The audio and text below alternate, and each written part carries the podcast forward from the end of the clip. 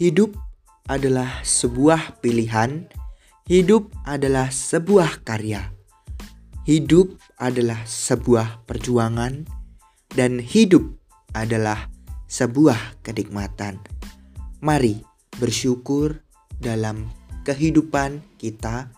Mari kita ambil hikmah atau nilai-nilai kehidupan yang kita lalui saat ini. Saya Ardian Nova Pratama dari Surakarta.